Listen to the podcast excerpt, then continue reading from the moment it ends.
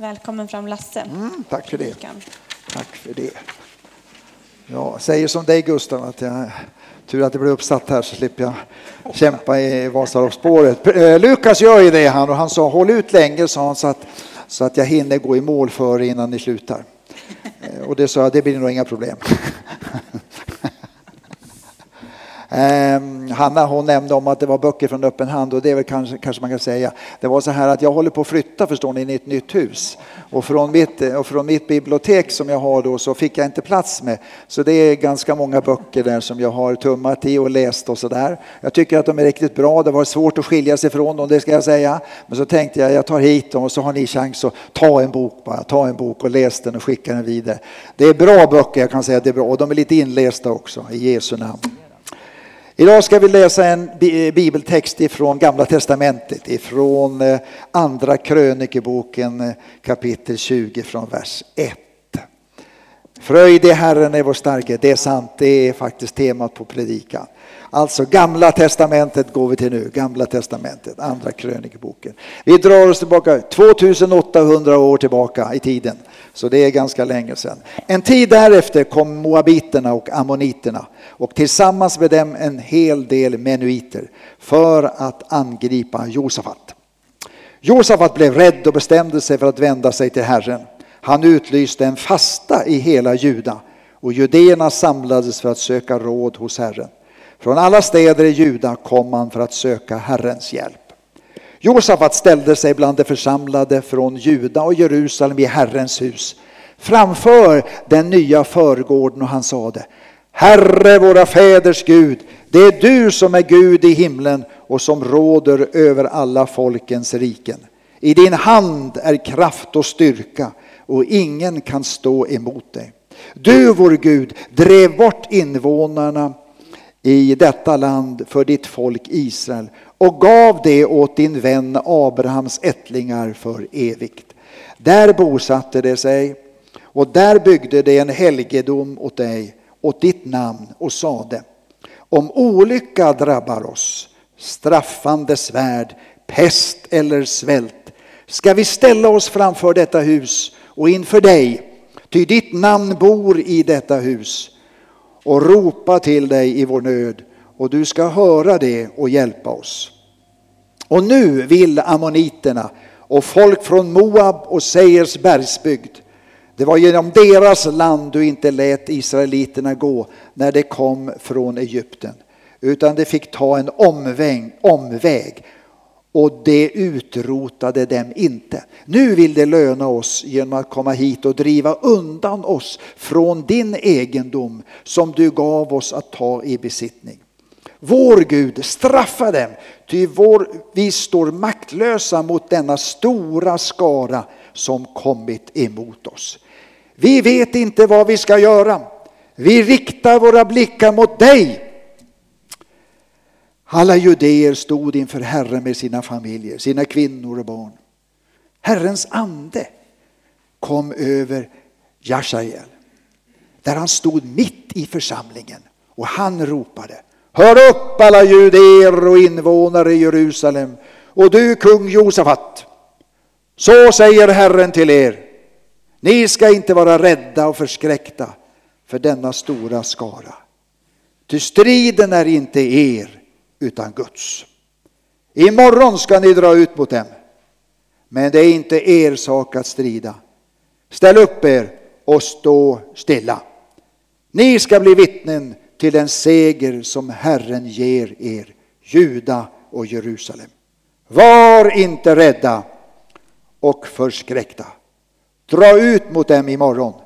Herren ska vara med er. Och Josafat föll ner med ansiktet mot marken. Och alla judéer och invånare i Jerusalem kastade sig ner inför Herren och tillbad honom. Medan leviterna och Keas ett, Koras ättlingar stod upp och prisade Herren Israels Gud med stark röst.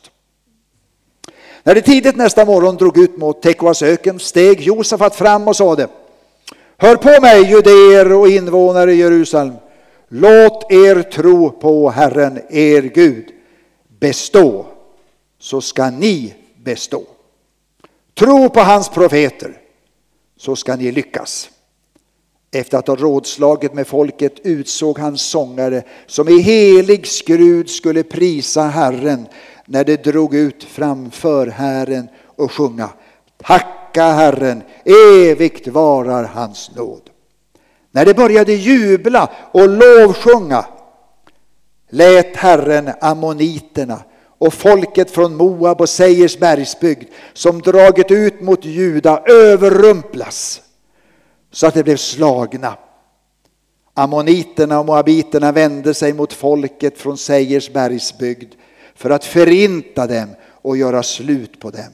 Och när de hade utplånat folket från Seier hjälptes de åt att förgöra varandra.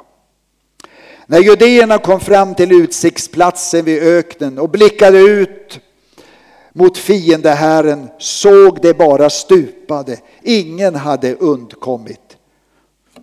Den fjärde dagen samlades de i lovsångsdalen för att lovsjunga Herren och därför heter den plats än idag lovsångsdalen. Far i himmelen, vi tackar dig för det här ordet som är ett ord till oss i den här situationen som vi befinner oss. På den här dagen när vi har en manifestation för Ukraina. Och också den här dagen när vi lever som vi lever och de, de, de utmaningar som vi var och en har. Vi prisar dig Herre. Amen. Det första, vers 1, det står så här. En tid därefter kom moabiterna och ammoniterna och tillsammans med dem en hel del menuiter för att angripa Josafat. Alltså, fienden hade lägrat sig, de hade samlat sig stora arméer och så skulle de angripa Josafat som var kung då i Juda och hela Juda, Judas folk helt enkelt. Det här hände som jag sa 2800 år sedan. Det är ganska länge sedan. Men det finns andliga principer som Gud vill ge till dig och vill ge till mig och till alla idag ifrån det här. Josafat, han var en osedvanligt bra kung, det vill säga han höll sig till Herren. Många andra kungar de gjorde inte det. De, de började bra, många av dem, men det slutade dåligt faktiskt. Så var det med väldigt många kungar. Du kan läsa om det. Det, det, det, det är tråkig läsning. Men Josafat var det annorlunda med. Så här är det ju med oss också. Vi kan börja bra. Vi kan börja ha tro när vi är unga. Så kan vi komma till tro på Jesus och vi kan liksom leva med honom. Men sen går det utför. Det kan bli så i våra liv, hörni vänner. Och det är värt att tänka till. Hur är min andliga utveckling just nu? Kan vi alla ställa den frågan till oss? Alltså, man angrep Josafat. Varför det? För han var en nagel i ögat, det vill säga han trodde på Gud. Vet du. Han, honom skulle man ge en riktig smäll. Eh, jag tänker på det, Josafat var ledare och han höll sig till Herren. Man brukar säga så här, att folket går aldrig längre än sin ledare. Och det gäller folk, nationer och det gäller församlingar och det gäller familjer. Just det. Går inte längre än sin ledare. Och det kan vi tänka på i alla lägen. Verkligen. Trots att han var god så drabbades han av motstånd. Det var en attack på hela nationen. Och eh, angriparna var många. Och man kan säga att det är precis en parallell till det som sker i Ukraina idag. Deras Ukrainas armé det är inte så stort och så väldigt. Men Rysslands armé den är våldsamt stor. Och alla resurser. Det är precis en parallell berättelse som vi läser. Det ägde rum 2800 år sedan. Det blev krig. Det blev krig. Hörrni, krig det vill inte vi ha, eller hur? Vi önskar alla leva ett lugnt liv, gör vi inte det? Ett lugnt liv på jobbet, ett lugnt liv hemma. Men det är inte så i verkligheten. Det är inte så. Vi skulle önska att det var så, men det är inte så. Det är krig. Vi har det här militära kriget då i Ukraina och på många andra platser. Och varför vi engagerar oss naturligtvis i det här kriget, det är därför att det är inte särskilt långt härifrån. Och vi känner oss hotade, helt klart. Men vi engagerar oss för människorna där. Det är krig på många geografiska platser idag över hela världen. Det är många krig som pågår. Det här tar vårt engagemang. Men det är krig också på andra ställen. Krig på jobbet, kanske. Krig hemma, kanske. Vi skjuter inte ihjäl varandra med kulor, men vi kan skjuta ihjäl varandra med hårda ord. Dåliga relationer, har ni hört talas om det? Det är ett krig det. Och hur det sliter så fruktansvärt. Vi har krig inom oss. Paulus skriver så här, köttet är fiende till anden och anden till köttet. De två ligga i strid så att ni inte kan göra det ni vill. Just det, det finns en strid inom oss också. Anden, ni vet det här. Jag borde nog gå till skolan idag. Nej, men jag känner jag är så förtvivlat trött. Och när jag känner efter så har jag nog lite huvudvärk också. Jag stannar hemma. Jag borde nog gå på gudstjänst idag. Ah, det är att åka dit och ah, jag tar en cykeltur istället. Jag borde nog ge 10 000 till Ukraina. Men ah, jag köper en ny mobil istället. Eller en ny cykel. Eller nya skidor. Eller vad det nu kan vara. Jag gör det istället. Kriget som vi har inom oss. Köttet mot anden. Den lever vi alla med. Hur hanterar du det? I Efesierbrevet 6 så talar Paulus om, ta på er Guds rustning så att ni kan hålla stånd emot djävulens lömska angrepp. Då kommer vi in på den andliga kampen. Satan mötte Jesus i öknen efter att han hade fastat 40 dagar så angriper Satan honom på ett lömskt sätt. Han gör det. Hörrni, Satan, djävulen är inte död. Jag skulle önska att han var det. Vad säger du? Håller du med mig? Men han är inte död. Han attackerar dig och mig också. Vi kan låtsas som det regnar. Idag är det fint väder. Men Satan lever och han angriper dig och mig. Det här bibelordet som jag har läst, det, det är självklart en historisk händelse som har ägt rum. Ja, ett historiskt dokument. Men det står ju inte i Bibeln om en massa krig, för det här är inte det enda kriget som det står om. Av den enkla anledningen att det bara ska vara en historiebok. Nej, det här är ju också en allegori. Det vill säga en bild. Alla krig i Gamla Testamentet är en bild. På vad då? Bild på det andliga kriget som du och jag har att utkämpa. Mot Satan, fienden. Och i det här fallet då skulle vi kunna säga så här, Josafat, han, han så att säga är dig och mig som är troende. Och fienden då, då fienderna som är många, som märkligt nog höll ihop här. Fienden brukar inte hålla ihop. Det är ju Satan och djävulen. Och börjar vi läsa det på det sättet, aha! Det här är inte bara en historisk händelse utan faktiskt det här kan ha lärdomar till mig i min situation där jag befinner mig. Och vi funderar så här, men måste det vara krig då? Kan jag inte få fred med Satan, djävulen? Måste han på mig hela tiden?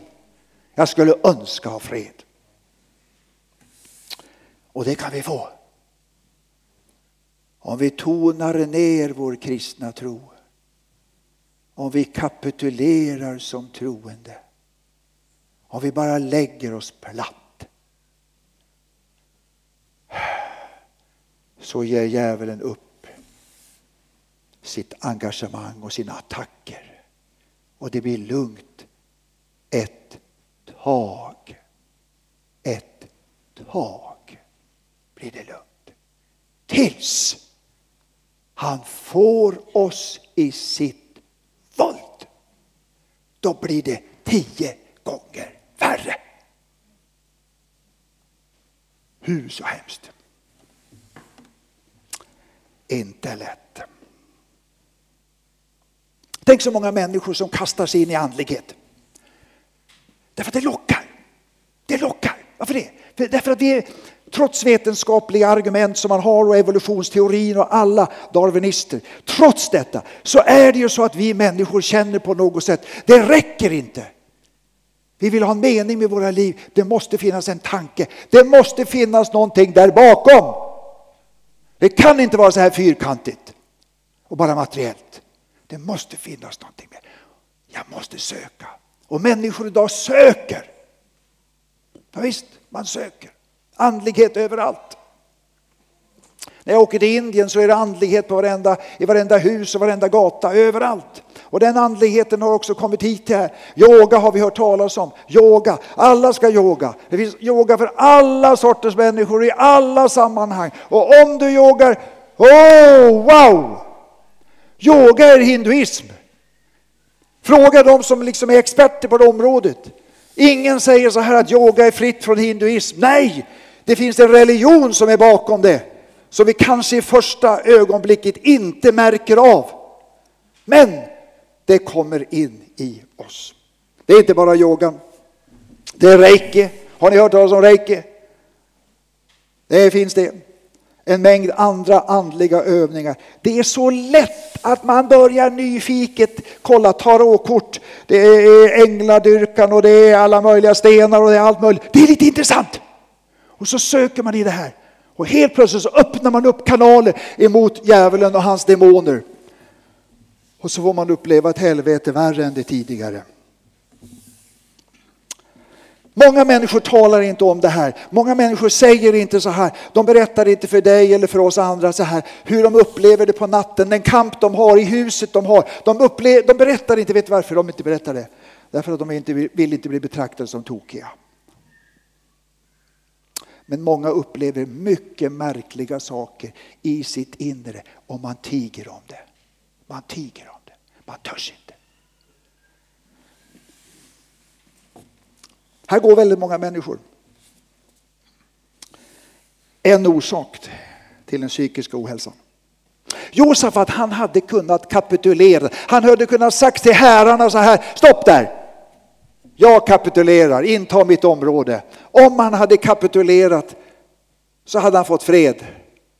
Men han hade blivit deras slav för alltid. Deras slav för alltid. Det är så när vi kapitulerar i kampen, den andliga kampen. När du och jag gör det, så blir vi en slav, slav för mörkrets makter. Sen kan ju vi troende också bli lite aktiva och vi kan attackera mörkrets makter. Det kan vi göra i den andliga kampen. Det finns geografiska områden som är intagna av fienden, definitivt.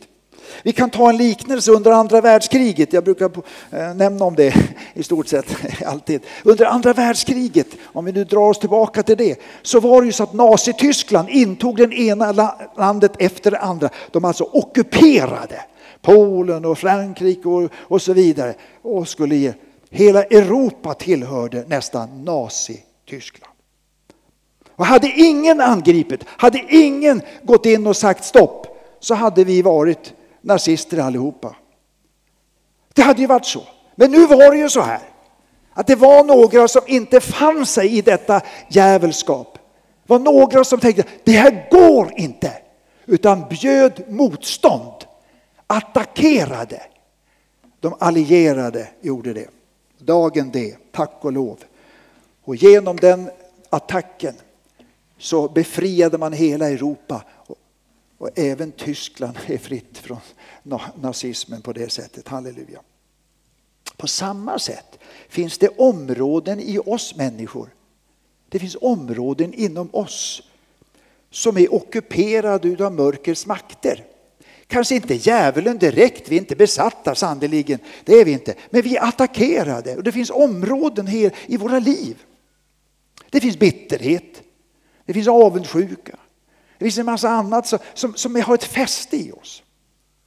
Trots en fin dag, det har ju varit jättefina dagar nu, solen skiner och så här. Så känner man inget, kan man gå ut i solen och, säga, och så kan man säga, varför är jag inte gladare än jag är? Har du varit med om det? Varför är jag inte gladare än jag är? Jag har ju allting. Jag har ett fint hem och jag har säng och jag har mat och kylskåpet är fyllt och jag har ju vänner och allting. Men ändå. Det finns någonting som hindrar på något sätt. Det kan vara det att det finns områden i ditt liv som är ockuperade av ondskans område som har intagit det här och som gör att släpper inte taget, hur du än försöker så kommer du inte loss. Jag kan ta en liknelse igen. För många år sedan så var jag till Indien och till Kali-templet i Calcutta. Inte ett ont anande så gick jag på en sightseeing där i Kali-templet och såg alla atrialler och allt detta. Och jag bara kände på en gång så kom det liksom något mörkt över mig. Som en mörk filt, en våt filt ungefär. Som bara kom över mig. Jag kände så här. Här vill jag sannerligen inte vara. Det var liksom ett mörker. Varför var det ett mörker? Därför att där hade man tillbett guden Kali i, i, i århundraden. Det var en plats som hade cementerats utav ondska. Och när man kommer då som en oskyldig människa så, så, så, liksom, så kommer det betrycket över mig. Så kan det finnas andra platser, verkligen. Det kan det verkligen göra. Det gör det. Men det finns å andra sidan platser som är åt andra hållet. Jag tänker på det när jag har varit vid klagomuren i Jerusalem. En del av er har varit där. Klagomuren i Jerusalem. När man står vid klagomuren i Jerusalem då känner man ingen våt filt som läggs över en och man känner wow. Utan då känner man vilken kraft! Det är nästan som man lyfts upp. Det är någonting annat det. Trycker inte ner utan det lyfter upp.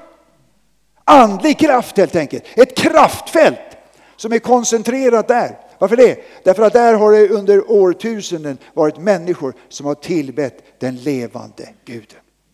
Amen! Det finns sådana områden och det finns områden som är negativa och mörka. På något sätt så finns det också inom mig. En andlig kamp, kära vänner. En andlig kamp.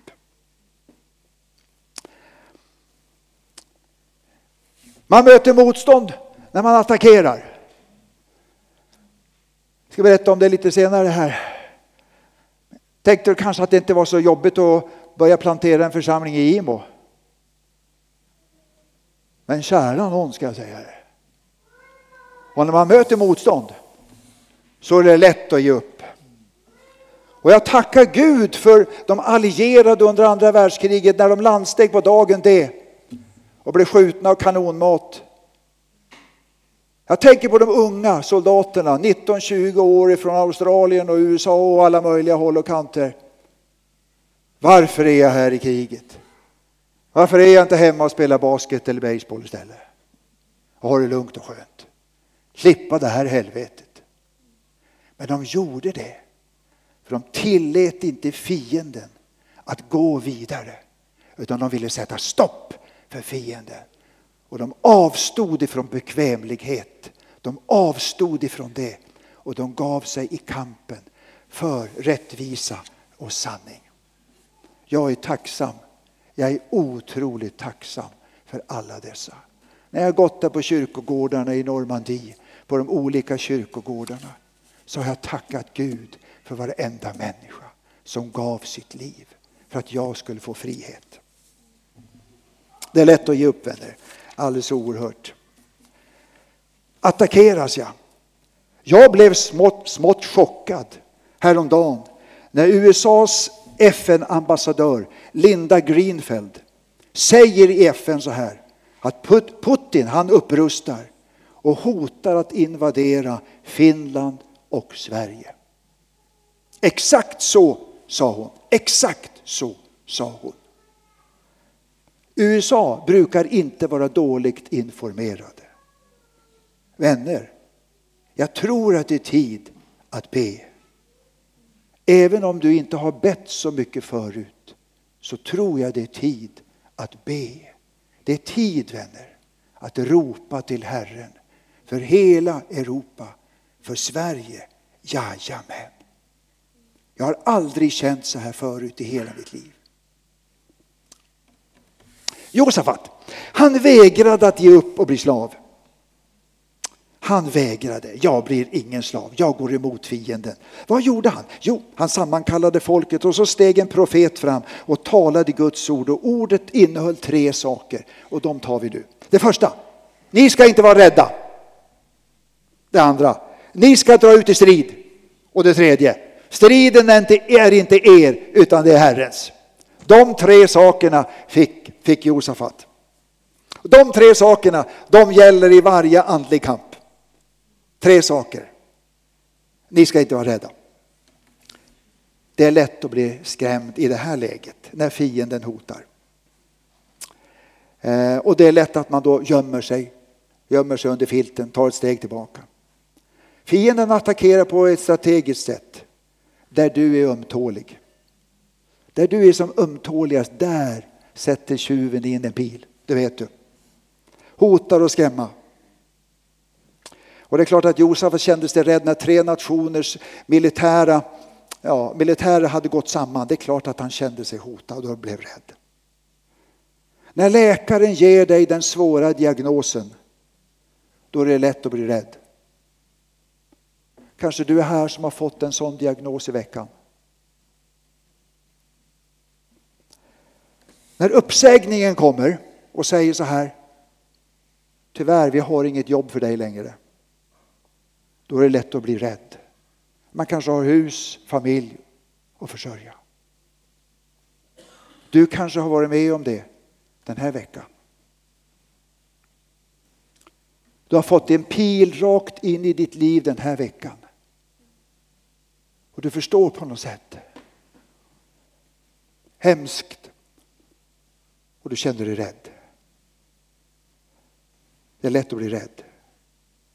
Herren säger till dig i den här gudstjänsten. Jag har fått det från Herren. Du, var inte rädd.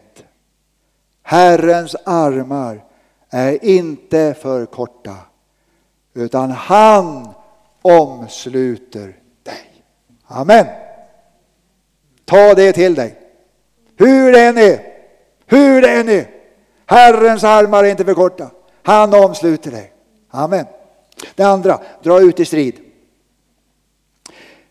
Fienden attackerar dig inte bara i våld och brutalitet.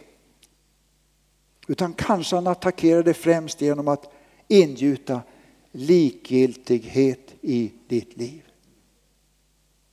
Fienden är liksom lite lömsk. Han kommer med likgiltighet. Du blir apatisk. Du struntar i det mesta. Apatin kanske har fått fäste i ditt liv. Om du ska vara ärlig så finns det kanske just nu inte längre kvar någonting av hängivenhet för Herren. Nej. Istället har det blivit bekvämlighet med egoistiska nöjen. Egentligen så kanske du inte ägnar en enda tanke åt idag att rädda någon människa från att gå förlorad. Jag vet inte. Jag bara säger, får jag fråga, är det sanningen i ditt liv? Att en gång var du hängiven Jesus och du jobbade för att vinna människor. Men så har likgiltigheten kommit in. Och nu, hur funderar du hur du ska placera pengarna? Hur funderar du hur du ska måla om huset? Andra bekvämlighetsinrättningar. Är det så i ditt liv?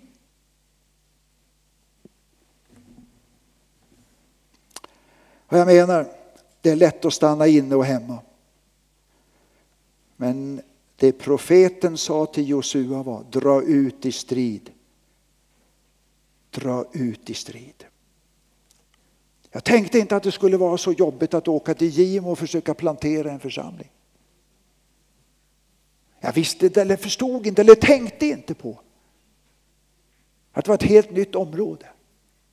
Att jag kastade mig in med evangeliet i en bygd där det fanns väldigt mycket annat. Där statyn på Stora torget är en bild av djävulen. Jag trodde inte det. Och många gånger har jag sagt, jag ger upp. Jag ger upp. Jag ger upp. Tänk vad skönare det vore att, att leva ett lugnt pensionärsliv, pyssla om i trädgården.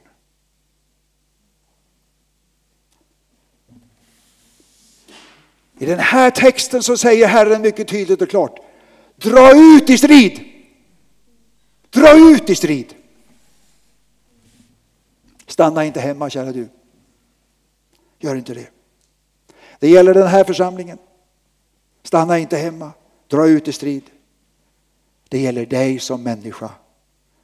Låt inte välfärden snärja in dig i det som ingenting har att ge. Stanna inte i startblocken. Det livet är det mest trista man kan tänka sig. Dra ut i strid. Det tredje.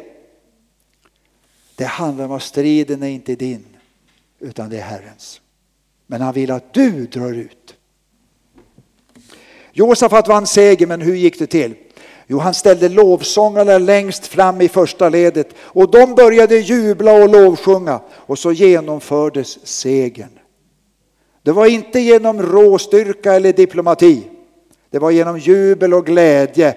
Fröjd i Herren är vår starkhet, vänner.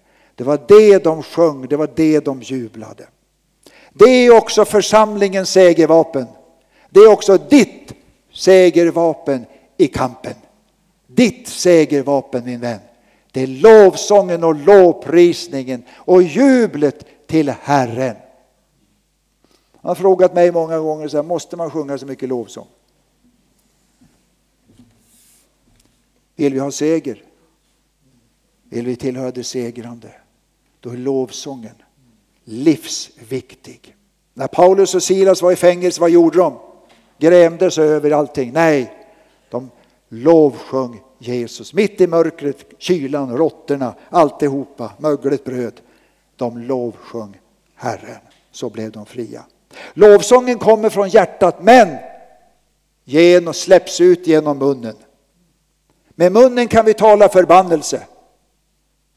Jag tänker på alla svordomar som haglar idag. De vet inte vad de gör. De vet inte vad de gör. Men med munnen kan vi också ära, upphöja, lova vår Herre, frälsare, kära vänner. Och då kommer det välsignelse. Alltså lovsången ljuder, va? lovsången ljuder, kommer, den kommer i hjärtat, i kärleken till Jesus. Jag föds den kärleken och så släpper jag ut den genom munnen. Jag låter liksom det ljuda, låter det vara mitt instrument.